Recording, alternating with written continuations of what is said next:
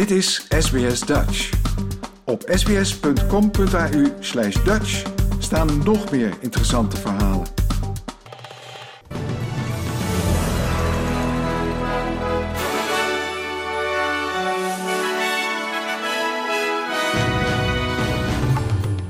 Dit zijn de headlines van het SBS Dutch nieuwsbulletin van woensdag 21 juni.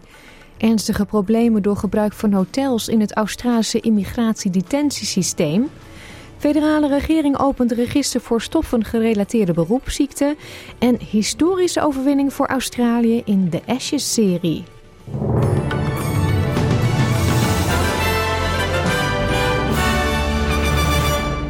De Australian Human Rights Commission constateert in een rapport dat er binnen het Australische detentiesysteem voor immigranten nog steeds ernstige mensenrechten kwesties spelen. Uit het rapport blijkt dat detentie in hotels ernstige negatieve gevolgen heeft voor de fysieke en mentale gezondheid van mensen, die steeds erger wordt naarmate iemand langer wordt vastgehouden. De Australische mensenrechtencommissaris Lorraine Finlay zegt dat het gebruik van hotels inmiddels genormaliseerd is, maar alleen in uitzonderlijke omstandigheden en voor de kortst mogelijke tijd gebruikt mag worden. In een officiële reactie zegt het ministerie van Binnenlandse Zaken het eens te zijn met twee van de 24 aanbevelingen van de commissie. Met vijf aanbevelingen zijn ze het oneens en van de overige 17 is nota genomen.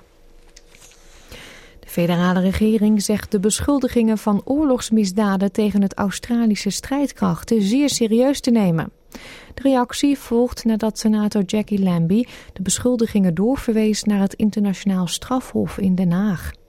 In 2020 constateerde het Brereton Report dat er bewijs is voor volgens hen 39 moorden gepleegd door Australische SAS-soldaten in Afghanistan. Sindsdien is één voormalige soldaat aangeklaagd.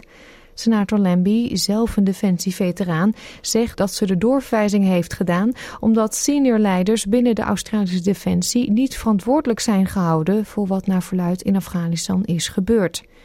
Minister van Defensie Richard Miles bood aan om met de senator af te spreken om haar zorgen over de manier waarop onderzoeken naar oorlogsmisdaden zijn uitgevoerd weg te nemen. Maar hij zegt dat de regering ervan overtuigd is het juiste te hebben gedaan. Ultimately, that's a, a, matter for the ICC. Um, what I can tell you is what the Australian government is doing.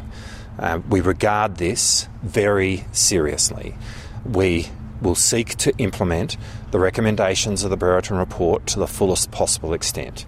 And under this government, Australia is holding itself to account. De federale overheid heeft aangekondigd een nationaal register voor stoffen gerelateerde beroepsziekten te openen na de ontdekking van een wijdverspreide ziekte die verband houdt met de stof silica. Silica zit in een bepaalde kunststeen dat in heel Australië veelvuldig wordt gebruikt in aanrechtbladen. Eerder dit jaar werd de stof in verband gebracht met een gevaarlijke longaandoening. Nu is bekend dat ongeveer 1 op de 4 mensen die met dit kunststeen werken de dodelijke en ongeneeslijke longziekte silicose ontwikkelt. Door de schokkende ontdekking wordt silica nu ook wel het asbest van de jaren 2020 genoemd. Jet Carney, de assistent-minister van Volksgezondheid en Ouderenzorg, zegt dat het opzetten van een nationaal register de eerste stap is om ervoor te zorgen dat werknemers in de toekomst niet onnodig zullen lijden aan ziekten zoals silicose. This is an incurable disease. It is a tragic disease that is contracted at work, and nobody should go to work and get diseases that kill them.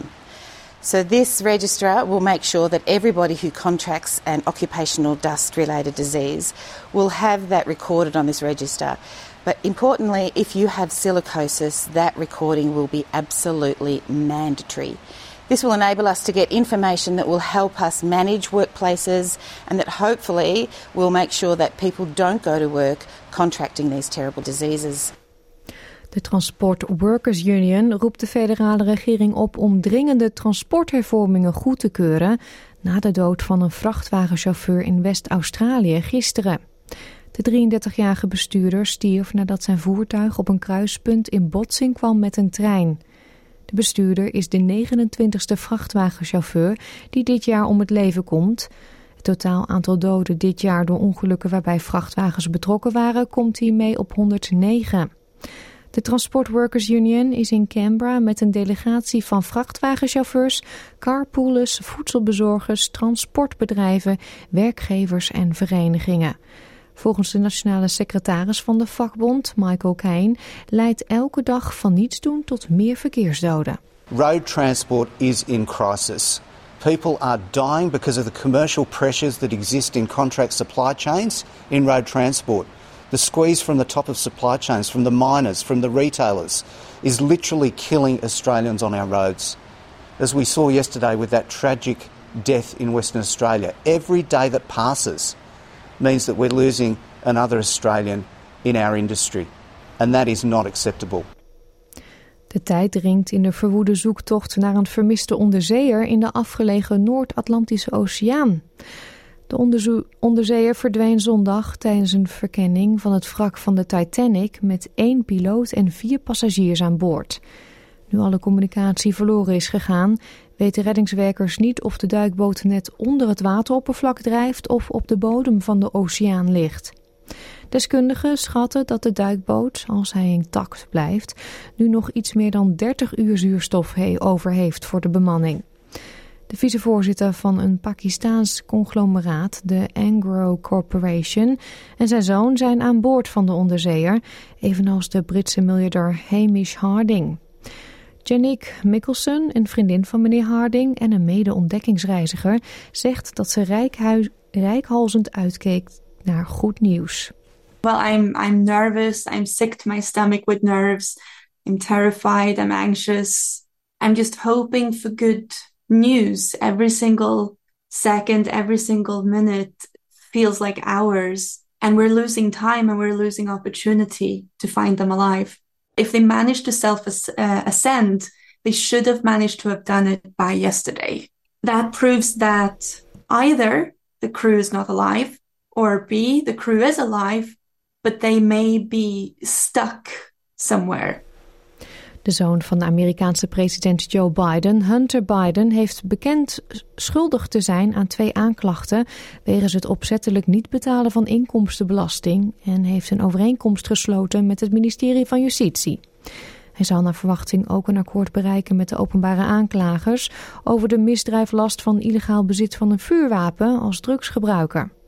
Met de deal komt een einde aan een langlopend onderzoek van het ministerie van Justitie naar de tweede zoon van Biden, die erkende verslaafd te zijn sinds de dood van zijn broer Bo in 2015. In een verklaring zei zijn advocaat dat Hunter Biden de verantwoordelijkheid op zich neemt voor de fouten die hij heeft gemaakt tijdens een moeilijke periode in zijn leven. De Legalized Cannabis Party zegt geschiedenis te hebben geschreven door tegelijkertijd in drie staten wetsvoorstellen in te dienen om persoonlijk gebruik van de druk te decriminaliseren. Het wetsvoorstel zou volwassenen toestaan om tot 50 gram cannabis te bezitten en thuis tot zes planten te kweken. Brian Walker van de Western Australian Legislative Council zegt dat de meeste mensen die cannabis gebruiken dit doen om medische of stressbeheersingsredenen en dat het huidige wettelijke kader ongepast is. Hij vraagt de coalitie en Labour-partijen een open geest te hebben bij het overwegen van het wetsvoorstel. We absolutely know that the major parties will not support this approach. It's not because they don't believe in cannabis, it's because they're frightened that if they're perceived to be soft on drugs, they might lose voters. Now, the truth is that the population is actually in favor of legislation of legalizing cannabis at least. Sportnieuws dan. Pat Cummins heeft Australië naar een spannende twee wickets overwinning op Engeland geleid in een verbluffende openingswedstrijd van de Ashes-series. Australië moest 281 runs scoren voor de overwinning, wat een lange tijd onmogelijk leek. Maar in het laatste uur nam team-captain Cummins de leiding, die samen met Nathan Lyon zorgde voor een historische overwinning voor Australië.